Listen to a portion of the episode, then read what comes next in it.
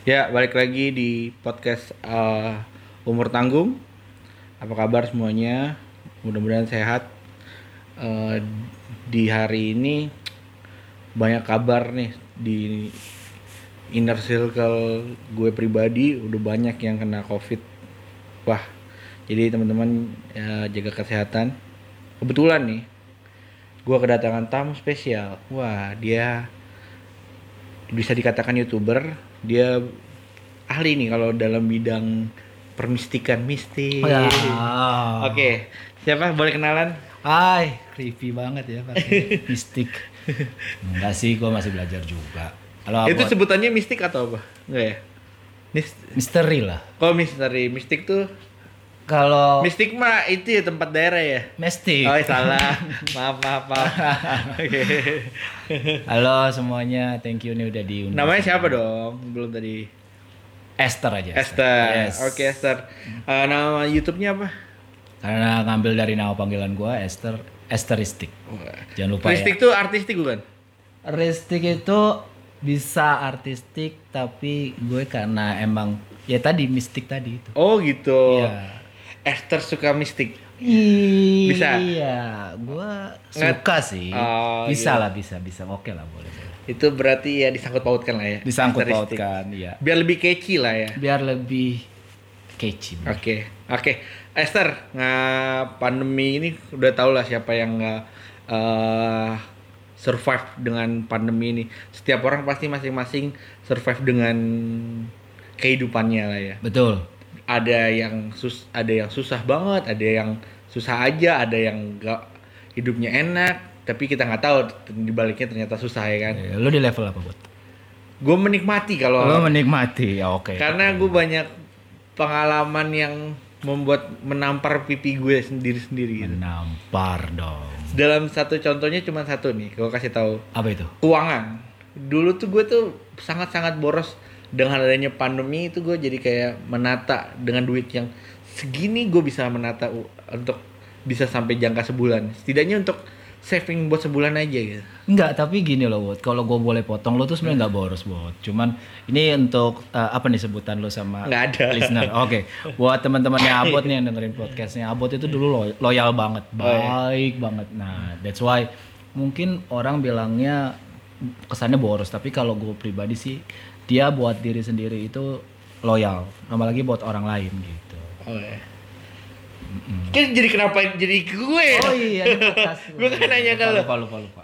Oke, eh, Akbar ini gue udah kenal udah lama lah, udah banyak kisah sama Akbar dari temen eh, ngeband, temen berantem, ngambek. kita pernah berantem ya? Hah? Kita pernah berantem. Eh, berantem pernah. Berantemnya nggak pukul-pukulan sih, lebih arah kayak Cakar-cakaran. Enggak. Jambak rambut. Enggak. Ya biasa lah namanya juga pertemanan, tapi mulai dari situ mulai men- menjadi lebih dewasa nggak sih?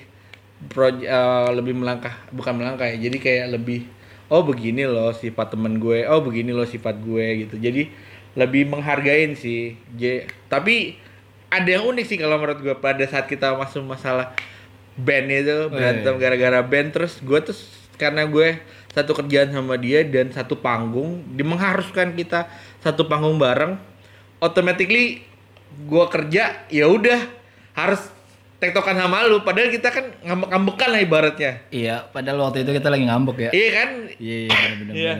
Lo dia dia peran kita main Peter Pan, dia Peter Pan, gue bajak laut. Nah, kalau Denny Akbar ini kan orangnya lebih arah ke buat acting dia lebih serius. Kalau misalnya gue bukannya muji karena di depan gue ada si Denny, tapi eh, eh, Esther maksud gue karena dia kalau misalnya buat acting lebih bagus dia ke mana-mana dibanding gue. Kalau gue buat untuk lucu bisa, Wah, tapi kalau buat untuk yang serius gue, aduh, angkat tangan deh. Thank Nah, you, thank you, thank you.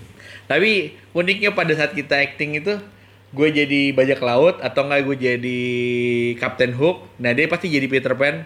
Terus Kalau misalnya adegan terakhir pasti kan kita fighting. Terus pasti oh jadi ini yang selama ini ngambek sama saya. Terus Tersirat ya. Iya. Walaupun di panggung tersirat ya, Bot ya. jadi ada pengunjung, pengunjung nggak tahu itu apa tapi kan kita oh mungkin anak-anak tahu kan apa yang terjadi pada saat itu. Hanya gua, lo sama iblis yang tahu. Iya, nggak ada kan sebagian mungkin ada yang tahu kan. Iya, Cuma iya. orang ketawa anjing, tapi ya udah lucu aja tuh. Si dan apa si Esther pas satu gua ngomong kayak gitu dia cuman udah tetap apa on script gitu. Hey, apa yang mau kau apa gue lupa. Kapten Hook nggak akan aku memberikan peta harta karun bla bla bla kayak gitu. Ya ya. iya, gua dulu lupa skripnya. Anjir lupa gila lu bar. Emang istilah yang kalau misalnya nggak diasah itu jadi tumpul tuh bener loh. Gila kita udah hampir setahun loh. Masuk setahun kita nggak kerja nggak kerja di panggung. ya. Oh iyalah, nggak apa-apa. Iya udah. Survive aja lah. Iya menikmati. Nah, Menikmati kan kata lo. eh eh, si Esther ini pas pandemi dia lang buka dia udah punya YouTube tapi dia udah langsung mulai menggeluti lagi lah ya, mendalami lagi ya. That's right. Nah, terus lu ngambil genrenya itu lebih ke arah misteri. Ya, betul. Nah, kenapa sih lu kan lu banyak nih. Kalau menurut gua ya, lu bisa main musik. Lu bisa bikin lagu. Terus lu banyak lo potensi lo. Lu bisa bikin kelas acting mungkin. Kan kita nggak belum tadin Orang mungkin ngerti acting itu seperti apa, tapi kan cuman kulit luarnya doang. Kalau kulit dalamnya kan belum ngerti. Nah, mungkin di YouTube kenapa lu nggak membuat hal itu? Mungkin yang pertama kali gua harus sampein dulu hmm, kenapa gua buat YouTube ini ya. Iya, iya. Kalau gua buat YouTube ini awalnya memang karena pandemi mengharuskan kita di rumah aja kan. Iya, nggak Jadi mau ngapain lagi bingung. kan? Iya, gue pada momen-momen itu bener-bener at least gue yang biasanya hiperaktif tiba-tiba gue dipaksa untuk di dalam rumah dan menurut gue itu eh, bisa dibilang itu bisa jadi gejala depresi sih. Oh, Jadinya depresi. gue mencoba untuk meng-counter itu gitu. Setuju agree gue agree gue kalau misalnya Iya kan? depresi karena kita punya depresi masing-masing Betul. Iya. Ha. Dan levelnya ini mungkin waktu itu eh, gue udah rasakan, Hmm. ya kan? Eh, kita eh, diberikan eh, apa namanya keharusan untuk di rumah aja. Yap. Terus dengan eh, apa ya bisa dibilang kita dihantui oleh ya itu eh, penyakit ini gitu. Hmm. Bukan dihantui tapi eh, diliputi rasa takut. iya Nah, gue mencoba untuk tidak parno Hmm. gitu. Gimana caranya ya gue mengisi hari-hari gue dengan gue sebenarnya nggak langsung nggak langsung beralih ke dunia mistik yang lo bilang itu, bot. oh enggak Iya, dan nama tapi memang kan langsung YouTube-nya langsung mistik kan jadi channel gue sebelumnya belum esteristik. oh iya yang biasa Uh, uh, kan biasa aja karena emang gue ngerasa apa yang gue suka gue upload di YouTube ya just for fun aja. iya iya Nah dulu gue suka banget yang namanya musik benar kata lu. Iya. Kalau dibilang eh, kesukaan gue sama musik eh, itu kayak dari kecil tanpa gue sadari tuh gue apa apa pasti harus ada musik jangan sampai sepi gitu. iya oh jadi kayak buat mood booster lah ya Mood booster. Oke, oke, sampai oke. gue ke toilet itu kadang gue tuh nyalain musik. Ah, iya. Iya jadi eh, ya itu kesukaan gue sama musik. Ditambah gue itu memang suka genrenya itu melo ya pop gitu. Hmm. Nah tiba-tiba ketika ada pandemi ini, gue ngerasa hobi gue yang udah lama nih ya semenjak kita band itu cek ya anak band. Anjing band. Ah. Pasti mau pasti anak rata-rata ya mayoritas anak-anak laki-laki itu pasti ada mencoba untuk main band. Karena itu keren. Iya benar. Yang pertama Iya bagi masih mencari jati diri. dilihat banyak cewek. Iya. Tapi kalau udah kita udah umur umur segini kan ya umur tanggung ya kan. Adalah mana yang lebih penting prioritas utama aja mana yang menghasilkan uang itu yang kita cari pasti kan kayak gitu kan. Tapi Yes. tergantung juga sih. Ada juga yang uh, passionnya emang di situ kita nggak ada yang tahu. Nggak nggak bisa apa ya? uh, ini anak band sekarang kuno nggak juga.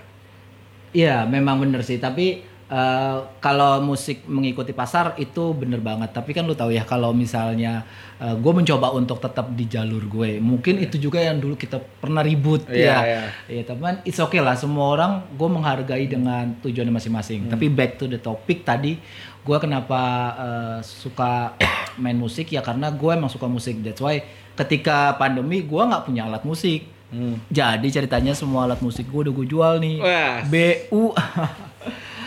nah alhasil gue nggak cover cover. Nah waktu itu gue suka lagi suka drakor tuh, Ah. boy. Oh jauh dong dari drakor ke misteri. Hmm, iya sih, cuman kan gue kalau ini kan film. Oh iya iya. Kalau film ini drama Korea kan juga banyak yang misteri. Iya cuman oh identiknya itu lebih ke arah Korea apa untuk film-film kayak gitu lebih arah film lucu.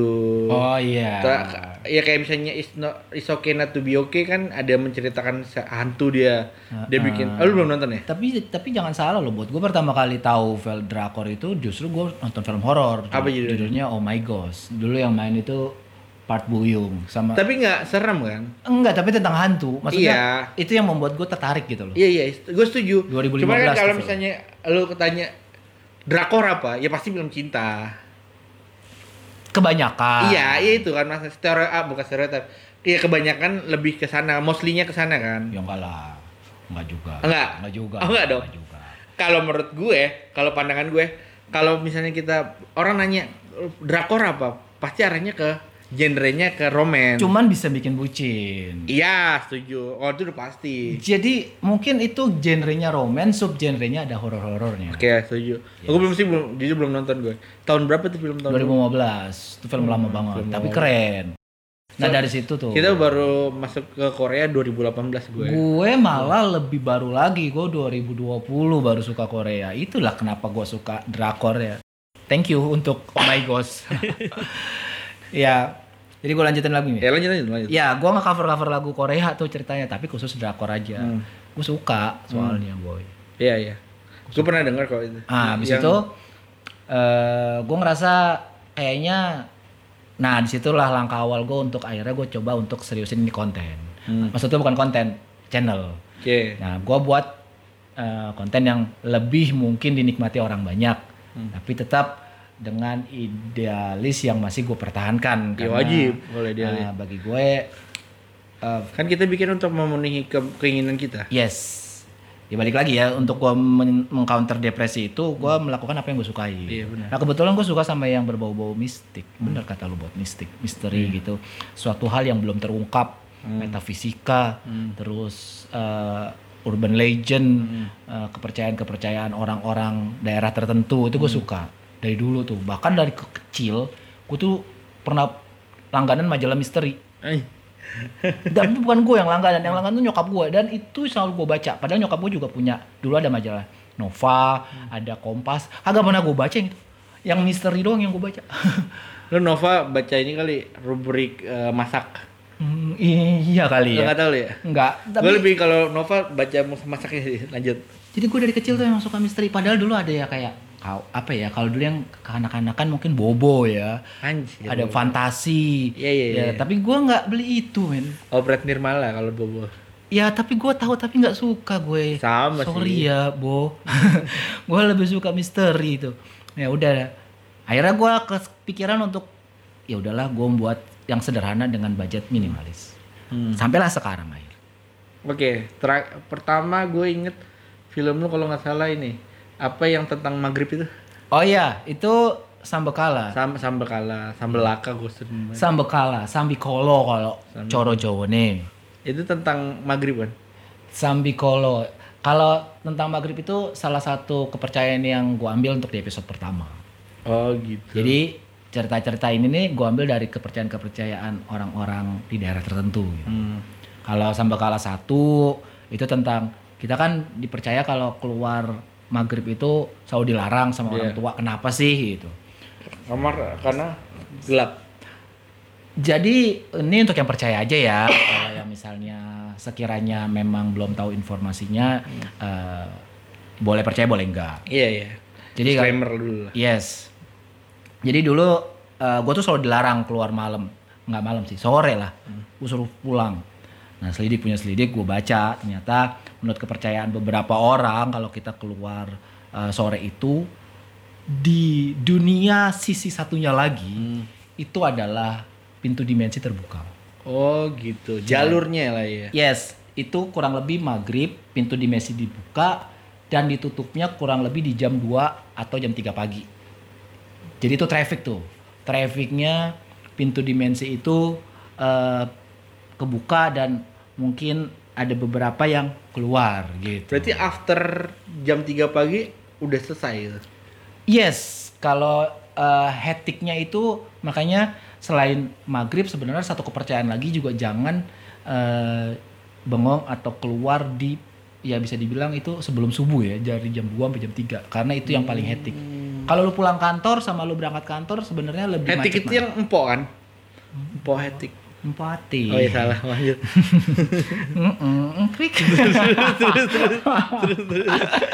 ya, Biar nggak tegang. ya gitu ya. Lu takut ya? Ih, Lu jangan lumayan. takut dong. Seru tahu ini ngebahasnya agak dukun emang. Gue jujur ya, sebenarnya gue pengen bahas yang lain gitu. Cuman ya udahlah kita tentang misteri aja. Gue soalnya takut. It's okay lu suka Korea kan? Gue juga suka Oh, Korea. iya. Korea Nah, lanjut musik. kita misteri dulu. Nanti kita bikin bahas Korea. Gue suka kalau bahas Korea juga suka kok. Oke aja. Lanjut lanjut misteri Oke. lagi. Itu, itu yang pertama. Terus yang kedua apa? Yang kedua itu tentang eh, Rona merah. Rona merah. Judulnya Rona sebenarnya merah di bibirmu terlukis. Oh ya. itu gue masih SMA tuh. Oke, Rona merah. Masih ya gitu. Bener kan gue? Terus Rona Rona, merah. merah. Terus yang ketiga yang yang si ini yang jadi apa mukanya hancur itu. Iblis kucing, Chandra Mawa. Candi. Baru tiga ya? Baru tiga, alhamdulillah. Berarti ada yang keempat nih mau bikin. Mudah-mudahan kalau ada budget. Oh iya. Ya udah pasti lah kalau bikin kayak gitu pasti budget. Mau se simple apa pun yang kita bikin pasti ada budgetnya. Tapi gue mau say thanks, mungkin di podcast inilah momennya. Gue mau say thanks untuk semua yang terlibat di Sambakala 1, 2, 3. Baik itu eh, pemainnya, apalagi penikmatnya. Itu appreciate banget gue. Iya. Eh, mereka semuanya gigih. Eh, itu semuanya membantu gue. Iya. Karena kalau menurut gue kan kalau yang tadi kita bahas yang lebih eh, kita ngikutin pasar gitu. Kalau menurut gua nggak juga sih. Eh, lu udah bener yang lu lakuin dengan misteri ini kan. Mungkin orang mau bikin film misteri ada cuman produksinya udah pakai PH gitu, nggak in- independen kayak lu kan independen nih.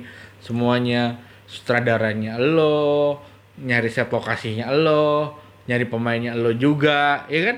Iya bener banget. Tapi ditambah sama beberapa bantuan teman-teman. Iya, cuman itu kan jalur indie lah. Kalau Indie, ibarat yes, ibaratnya musik itu indie, Iya, bukannya Mungkin kalau ayam organik.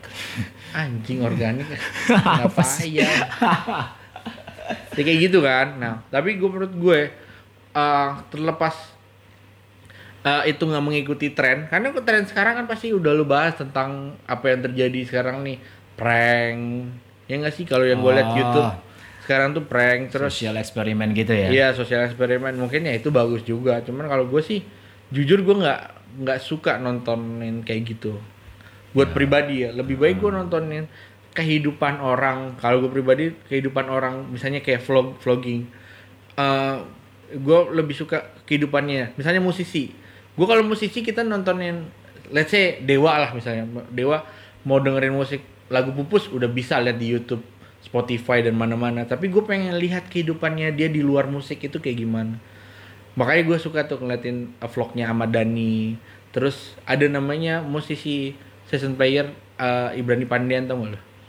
Dia tuh session player band sejuta band lah di mana-mana gitu. Nah, Hmm. kar- karena kalau menurut gue gue pengen lihat oh kehidupan anak band itu di luar dia panggung di panggung kayak gini gitu loh sama kayak misalnya lo kan lalu kan dari sisi bikin film orang mungkin yang tadi gue bilang tadi bikin sosial eksperimen bla bla bla bla bla mungkin itu haknya mereka. Tapi kan dengan adanya lu menghadirkan mungkin lu bukan or- pionirnya tapi lu ada mengikutin genre yang misteri tadi kan? Yes. nah jadi lu kayak buat penambah ceritanya gitu. Oh Iya, jadi kalau misalnya gue suka genrenya misteri uh ada nih.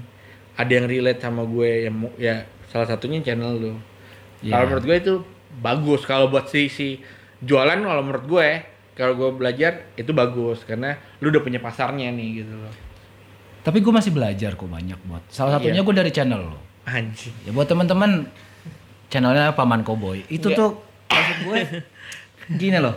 Oke lah kalau tadi lo bilang Ahmad Dhani, terus iya. semua musisi yang lo tadi sebutin itu, iya iya iya doi udah punya nama. iya benar So kalau mereka buat vlog keseharian mereka, ya mungkin itu sama aja membantu infotainment sebenarnya. kan? Iya, benar. Artinya mungkin banyak peminatnya. Oh, tapi sorry, gue, disclaimer, gue nggak suka gosip-gosipnya. Oke, Oh, oh ya, iya, gue cuman iya. lihat kehidupannya dia doang. Iya. Karena kayak misalnya salah satu contohnya banyak nih kayak musisi ada namanya Randy Randi kalau nggak salah ya, Randi Niji tau nggak? Di Pandugu. Bukan Randi Niji Niji. Tahu? Ah yang Keyboard. gitarisnya. Eh keyboard. Gitaris. Oh gitar ya? Eh, Randi itu gitarisnya. Ah itulah pokoknya. Ah, pokoknya gitarisnya Niji. Nah, Ya. dia tuh ngebahas tentang efek-efek gitar tuh bar. Hmm. Efek gitar, terus oh, uh, Coaching klinik lah jadinya. Iya, coaching klinik kayak gitu. Nah, kayak gitulah lanjutannya. Iya tapi memang gini kok untuk semua teman-teman YouTube YouTube ya yang baru mulai ya kayak gua contohnya gitu. Gua belajar dari salah satunya ya dari ini dari podcast ini dari Abot ya. Anjir. Karena membuat YouTube itu memang bagi gue memang itu kesenangan tetapi gue ada baiknya gue juga mengeluarkan apa yang gue mampu gitu. Hmm. Dan gue menurut gue eh, salah satunya kenapa gue membuat film karena dulu gue pernah diajakin main film pertama mungkin salah satunya ya di web seriesnya Abot ini ya kan. Dari Itu situ- tentang setan sebenarnya kan gue pikir. Yes, itu kan juga tentang ada misterinya juga Iya, kan, ada kan- ada berbau-bau hantu lah pokoknya. Iya, cuman kan nggak nggak segamblang gitu. Tapi itu momentum loh. Iya. Maksud gue dari situlah gue tuh akhirnya mencoba untuk mencontoh gitu kalau Hmm. orang ini nih membuat sebuah konten segitunya sulit, eh, prosesnya juga nggak mudah untuk dinikmati mungkin hanya beberapa menit oleh kalian gitu. Hmm. Dan eh, menurut gue sih itu challenge banget. Jadi gue buat kayak gitu ya salah satunya berbekal dari dirimu. Anjing. Malu Gitu gue. loh. Iya, iya, iya. Thank you, thank you, thank you. Iya, iya. Iya. Padahal Tapi itu gue bukan di channel gue sih, di channel eh channel gue yang dulu. Iya, Tapi gue ya gue kasih ke Pulung. Oh iya. Sekarang kan Pulung buat apa dia buat YouTube-nya dia game itulah. Oke. Cuman ya gue mungkin lebih banyak intinya sih kalau dari Lu nggak ada niat mau mindahin hak cipta gitu masuk ke channel gue? Oh iya. Ah. Oh iya. iya. Iya ntar deh gue artiin Eh, karena menurut menurut gue, eh gue suka sama kita sebenarnya kan sewatak nih. Maksud gue sewatak itu berarti kita tuh di tim kreatif gitu. Eh cuman beda genrenya doang. Kalau lo sukanya ke arah apa? Misteri gitu. Yes. Kalau gue lebih ke arah apa sih yang pengen gitu gue bikin gitu loh pengen lucu-lucuan nah sebenarnya ya intinya sih gue Lu kalau komedi misalnya- banget. Iya pengen di komedi di komedi Lu sebenarnya. Gak usah ngelucu aja gue ketawa kok. Anjing. Kalau lu ngelucu malah enggak. Iya, diem aja ya. Nah kayak gitu-gitu sih. Nah, eh banyak yang kita bik- bukan banyak sih. Ada beberapa lah yang kita bikin vid- eh, film. Eh film ya, bisa bikin film. Cuman gue di channel orang rata-rata. Channelnya Dimas kayak gitu. Mm-mm. Ya kayak gitu banyak lah. Ya seru-seruan aja sih. Lu kreatif banget loh. Anjing. Maksud gue lu tuh hampir semuanya bisa gitu loh. Bukan. Enggak, kalau gue pribadi, Lebih multi gua- talent dia loh daripada gue. Enggak, enggak lu sama lu lu multi talent. Enggak enggak, gue kalau gue, gue tipe orangnya penasaran bar. Dia bisa kenapa gue nggak bisa? Itu itu doang deh kunci di gue. Tapi kalau udah nggak bisa, udah mentok nggak bisa, ya udahlah gitu loh. Berarti emang segitu eh, kapasitas gue. Cuman kalau misalnya dia bisa, gue harus bisa. Itu aja. Bukannya gue orangnya bisa dikatakan kompetitif, cuman gue nggak untuk untuk melalui bukan untuk mengalahkan dia, cuman gue kok dia bisa sih itu penasarannya gitu loh. Hal itu sih yang jadi trigger gue untuk membuat sesuatu gitu. Tapi ada ada beberapa hal yang nggak lu nggak bisa. Gua rasa nggak ada. Belum sih. Ya kan? Eh, IT sih di bidang IT gue belum. Kayak eh, bikin Emang lu program. berminat membuat konten di bidang IT? Ah, enggak juga sih. Oke. Nah, kalau dari itu kan kisah lu yang bikin misteri itu kan. Hmm. Udah udah lu bikin lu cara bikin konsepnya bikin uh, skripnya dulu atau eh kerangka kayak story kan ada nih orang tipe-tipe orang bikin film eh, bikin cerita, ide cerita atau benang merahnya Iya. atau lu langsung oh gue dapet setnya di sini pokoknya gue harus pakai set ini walaupun belum tentu sama cocok dengan cerita gitu loh Itu kan mana ya? Hampir semuanya sih gue ada awalnya maksudnya bisa gue ngeliat set dulu terus kepikiran ceritanya. oh gitu nggak Atau- lebih banyak di mana Oh pastinya kalau gue ide cerita dulu lah. oh di cerita Mm, oh tentang berarti apa nih? Ca- cari benang merahnya dulu. kepercayaan apa yang mau gue ambil? Maksudnya kepercayaan dari daerah apa? Hmm. terus gue baca dulu di salah satunya mungkin di webtoon. Oke. Eh, kalau nggak di webtoon Webtoon gue- tuh ada ya? Kayak gitu-gitu. webtoon ada. Ada beberapa komikus yang emang angkat misteri itu ada. Nah itu kadang suka kepercayaan kepercayaan diambil lah. Gue kadang ide ceritanya dari situ terus sedikit gue rubah terus gue baca literasi dikit dari beberapa web. Baru deh gue ngobrol sama tim produksi gue karena yang jalan ini kan berdua nih sama Dwi Faris. Jadinya Iya, Bo- gue Bobby ngobrol. namanya, Bobby Bobby ya? Bobby. Bobby itu eh, singkatan. Tapi jangan deh body shaming. Face shaming dong berarti. face shaming. Agak gitu lah pokoknya. Ya. Ya oh berarti lo tetap kerangka apa ide ceritanya dulu ya. iya. Dia cerita. Kalau produksi lu biasanya berapa lama? Bikin video itu? Bikin series eh, bikin film pendek itu berapa? Short movie-nya. Yang tercepat sehari yang paling lama seminggu Cepat sehari. Iya. Yang itu ya, eh, sambal kala itu sekali ya. yang yang pertama tuh sehari doang Iya, soalnya cuma setnya gitu doang kan. iya dan cuman kalau nggak salah durasinya cuma lima menit Iya. Yang paling lama tuh pasti gue tahu tuh yang Rona Merah ya. yang paling lama enggak yang paling lama yang Chandra Mawar Oh yang gitu. kucing hitam itu pindah-pindah lokasi terus terlibat dengan beberapa banyak orang-orang hebat jadinya agak lama tuh prosesnya ya seminggu lah kurang lebih Oke oke oke oke. Gokil juga ya. Nah, kendalanya kalau dibikin-bikin kayak gitu apa kendalanya? Yang lo alamin. Jangan segi duit ya. iya yang lain kan Ah, tapi duit juga kendala paling besar sih itu udah pasti ya. Oh, ber- berarti lo bagaimana me- mengatur lah ya dari dengan budget yang sekian untuk produksian lu juga yang ngatur. Tapi percaya loh, ini nih gue buka nih, cuman di podcast ini nih gue buka-buka. Anjay. dulu. Di film pertama gue tuh cuman ngabisin budget ya kurang lebih 100 ribu.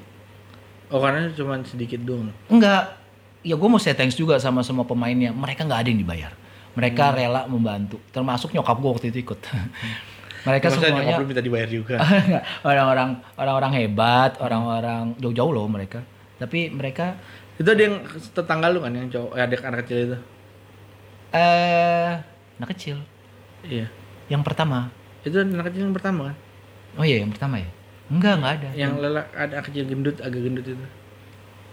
Oh, oh enggak, itu beda lagi. Itu beda. Beda lagi. Yang di ada dimasukin di Instagram. Beda lagi. Oh itu bukan Chan, Chan Sambokala. Bukan Sambokala, tapi itu konten juga. Oh, oke. Lanjut. Eh, itu sih eh kendala yang paling besar sih kalau yang pertama tempat ya karena ini kan tentang horor. Otomatis tempatnya juga yang mendukung dari ambience, nuansa. Dan lu harus carinya set malam gitu. Hmm, setidaknya eh, lightingnya karena kita juga lightingnya alami kan. Alami. jadinya lebih Alami. lebih punya kendala di noise-nya kalau malam itu doang.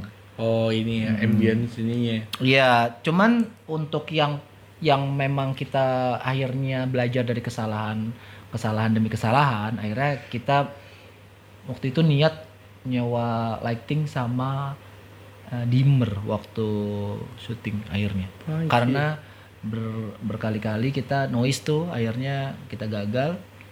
Eh, nyoba gitu gagal akhirnya kita pakai lighting untuk malam. Itu yang pertama kendalanya di cahaya. Yang kedua udah pasti izin. Izin. Hmm, izin tempat.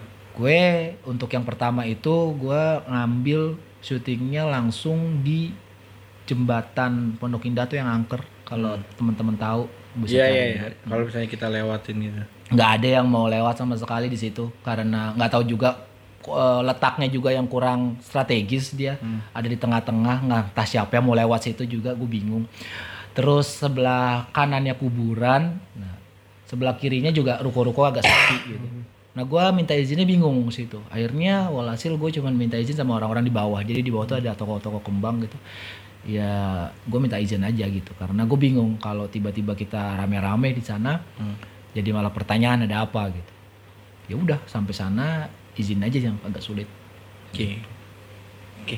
Oke, gue udah tadi udah bahas masalah eh, perfilman lo yang eh, apa yang lo buat selama pandemi ini berarti lo bisa dikatakan survive lah ya menjalani Alhamdulillah. Iya loh kalau nggak survive kita udah KO lah Iya, iya. Alhamdulillah dan masih diberi kesehatan itu gue bersyukur. ah, itu udah paling penting tuh kesehatan oke gue tuh mau nanya kalau misalnya tanya tentang karya mau udah lah ya Hmm. sekarang kita nanya lebih ke spesifik karena ini podcastnya namanya podcast umur tanggung Apa-apa? Po- podcast umur tanggung Umur tanggung. kenapa umur tanggung Nggak tahu. menurut gue umur di 30 tuh umur tanggung dibilang muda udah nggak cocok dibilang dewasa belum paham nggak Iya, menarik sih. eh Menarik nama podcastnya, Umur Tanggung. Iya. Sumpah loh, gue baru tahu nih nama podcastnya Umur Tanggung. gue pikir nih podcast bahas seni, biasanya dia kayak gitu. Enggak nih. Oh, iya, iya. Nggak sebenarnya gue Menarik nih, menarik nih. Umur tanggung tuh intinya adalah di umur-umur gue, segue, sekita. Anjay, gue merasa muda gue. Iya, di umur tiga Wow. tiga tiga puluhan tuh antara di ya makan bener nggak sih dibilang muda udah nggak cocok dibilang tua belum gitu kita lagi mengambil golden apa golden age-nya Golden gitu Age. Iya, nah bener. kalau menurut tuh nih sekarang gue tanya di umur lu segini apa yang paling lu takutin insecure di bidang A- di hal apa lo? Insecure. Ya pasti semua orang nggak tahu ya, tapi semua orang pasti menghadapi sebuah masa yang nggak bisa ditolak yaitu tua. Oke. Dan menurut gua sih sampai saat ini itu masih jadi masih jadi dibilang hantu, iya di di pandangan gua. Artinya gini, tua di sini bukan bukan proses tua, tapi apa yang terlihat setelah kita tua. Mungkin kayak ya gimana pun juga fisik itu bagi gue juga penting. Karena kan gue ada di dunia entertain di mana juga ada klasifikasi dari golongan fisik ya kan segala macem. S- eh, agak sedikit gue perhatiin lah itu. Terus yang kedua eh, udah pasti perubahan pola sih. Ya kan gue kan bisa dibilang gue itu rock and roll banget lah tapi semenjak gue udah mulai bebenah diri dengan bertambahnya usia ya gue juga kayak harus mulai Mulai. belajar belajar berpenampilan bersikap bahkan memilih teman Oh, iya, kalau iya. dulu tuh gue berteman sama siapa aja Iya. sampai anak paling kecil sampai orang dewasa orang eh, kakek nenek gitu Setuju gue. Kalau untuk berteman di saat umur ini nih udah lebih inner circle inner circle lagi gitu. Iya. Iya nggak sih? Tapi bukan berarti gue pilih-pilih teman sih. Enggak, itu itu itu pilihan. It's okay kalau menurut gue. Karena eh, ya terserah kalau kalau gue pribadi pandangan orang mau bagaimana ya udah gue masa bodoh gitu. Iya. Gue temenan sama siapa pun. Cuman kalau misalnya dibilang teman dekat ya harus ada gitu. Ya berarti itu itu itu doang gitu. Iya. Ya nggak sih? Betul. Karena di umur kita sekarang nih udah ah shit lah gue udah malas deh kayak ngikutin ada masalahnya yang drama ini, drama itu, drama ini. Kalau menurut gue sih kayak gitu. Hmm. Ya nggak sih? Kalau lu gimana kalau yang lu rasain? Iya, maksudnya milih-milih teman itu hmm, gini loh. Kalau gua gua ber, gua membedakan antara teman sama sahabat sih. Iya. Gue membedakan gitu. Hmm. Eh, kalau ya gua nggak tahu ya, tapi kalau gue gua kan berteman sama siapa pun. Hmm, Iya, setuju. Cuman gua akan memilih-milih untuk mm, spending my time Yap. For doing for another people. Maksudnya kayak dia curhat. Quality, quality time-nya lah. Dia- ya dia curhat. Itu gua mencoba untuk memilih-milih orang yang mana yang memang layak Cocok. cocok dan gua akan berikan. Yap, setuju ya. Kalau dulu dia. enggak, dulu hampir semua mungkin dibilang dulu gua kayak tong sampah kali. Semua orang curhat, gue dengerin semua orang curhat. Iya. Sampai gua nggak bisa bedain antara curhat sama ngeluh. Iya. Tiap hari begitu mulu soalnya ceritanya. eh, itu juga setuju. Nah, itu doang sih kalau yang Nah. gue bedain. Ah, kayak gitu. Nah, berarti di umur segini kan kalau lu udah punya pasangan. Nah, pasti lu pasti Ah. ditanyain di- ditanyain kan? Jomblo deh. Enggak, maksud gue kalau misalnya Oh ya enggak enggak yang gue tanya adalah eh ada nggak sih pasti didesak sama orang lain atau saudara lu oh, udah umur segini kok belum belum nikah gitu. Umur-umur kita tuh umur paling riskan gitu. Tapi tuh tuh ya tuh tuh sebelum lu jawab gue pas, pas pandemi ini gue tuh kayak sadar, sumpah. Gue kayak sadar, anjing umur gue udah segini loh. Paham nggak? tapi sebelum pandemi gue tuh kayak udah masa bodoh gitu masa bukan masa bodoh dalam arti ya udahlah kalau nggak ada pasangan eh belum dapat pasangan ya udah jalanin aja gitu loh tapi sekarang sebenarnya kayak gitu juga cuman ada faktor remnya gitu loh kayak oh gue tuh udah umur segini loh gitu loh paham gak mas Secara nggak lain lu jadi melihat satu sisi yang lain kan. yes Ya nah, kalau lo sekarang ya gue nggak ada yang salah sih. ini nggak salah Mungkin waktu itu lo lagi dalam posisi eh, sisi yang pengen lo bangun adalah sisi eh, settle. Yes. Yang lu sibuk dengan Ah. kerjaan, jadi nggak mungkin lo punya waktu untuk memikirkan ini. Bener ya mungkin ya karena Iya kan? pandemi kan banyak pemikiran gue aja dengar kabar temen gue kena apa positif Covid. covid malamnya gue nggak bisa tidur loh Iya, teman gue juga ada. Langsung. iya cuman padahal kan gue nggak pernah ketemu dia lagi gitu. Iya. kita nggak bersentuhan sama dia atau nggak nggak ngobrol gitu cuman rasa parno tuh ada gitu nah sama nih kayak misalnya tadi gue bilang tiba-tiba oh umur gue udah segini loh gitu lah. Nah sekarang gue pengen tahu jawaban lo. Ada nggak sih lu hal kayak gitu? Ditanya atau enggak ah gue umur gue segini nih karena lu kayak menyadari itu semua gitu. Ada lah. ada. Terus lu bagaimana nyikapinnya Biasa aja. nyantai aja? Enggak nyantai juga sih. Maksudnya biasanya tuh gini, pasti itu ada pertanyaan-pertanyaan jamak gitu. iya ya itu pertama pertanyaan eh, kapan nih ya pertanyaan pertanyaan toxic people Indonesia ya kayak gitu. Kalau kalau menurut gue itu jadi toxic. Maksud gue gini loh kenapa gue bilang toxic? Ya udahlah kalau misalnya dia belum dapat ataupun belum belum belum misalnya belum melakukan pernikahan ataupun belum umurnya ah, belum saatnya ya udah nggak perlu lo desak-desak juga gitu.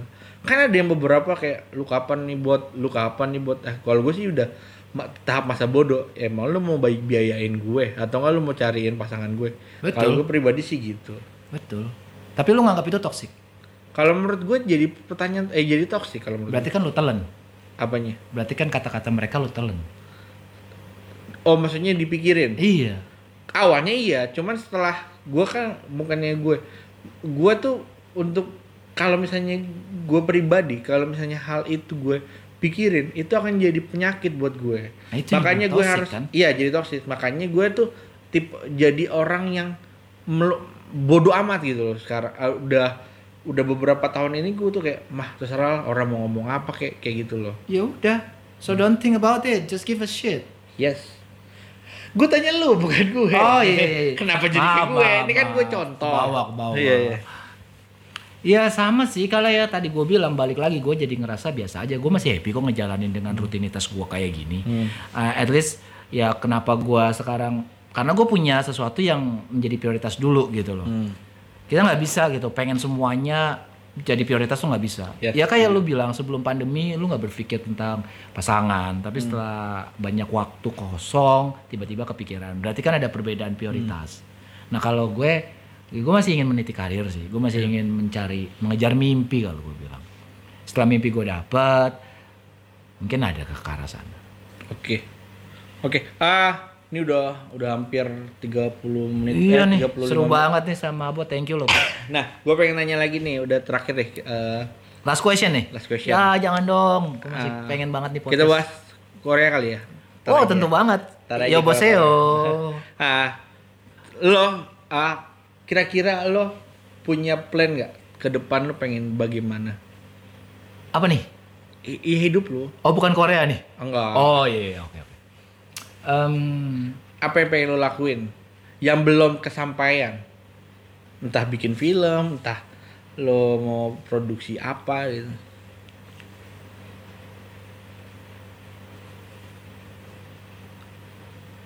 gue ingin mencoba untuk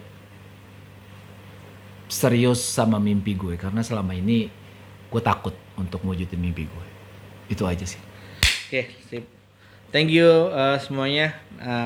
Yeay. nanti kita balik lagi ya. Bye. Bye. Gue Bibot dan siapa? Esther. Oke, pamit. Pamit.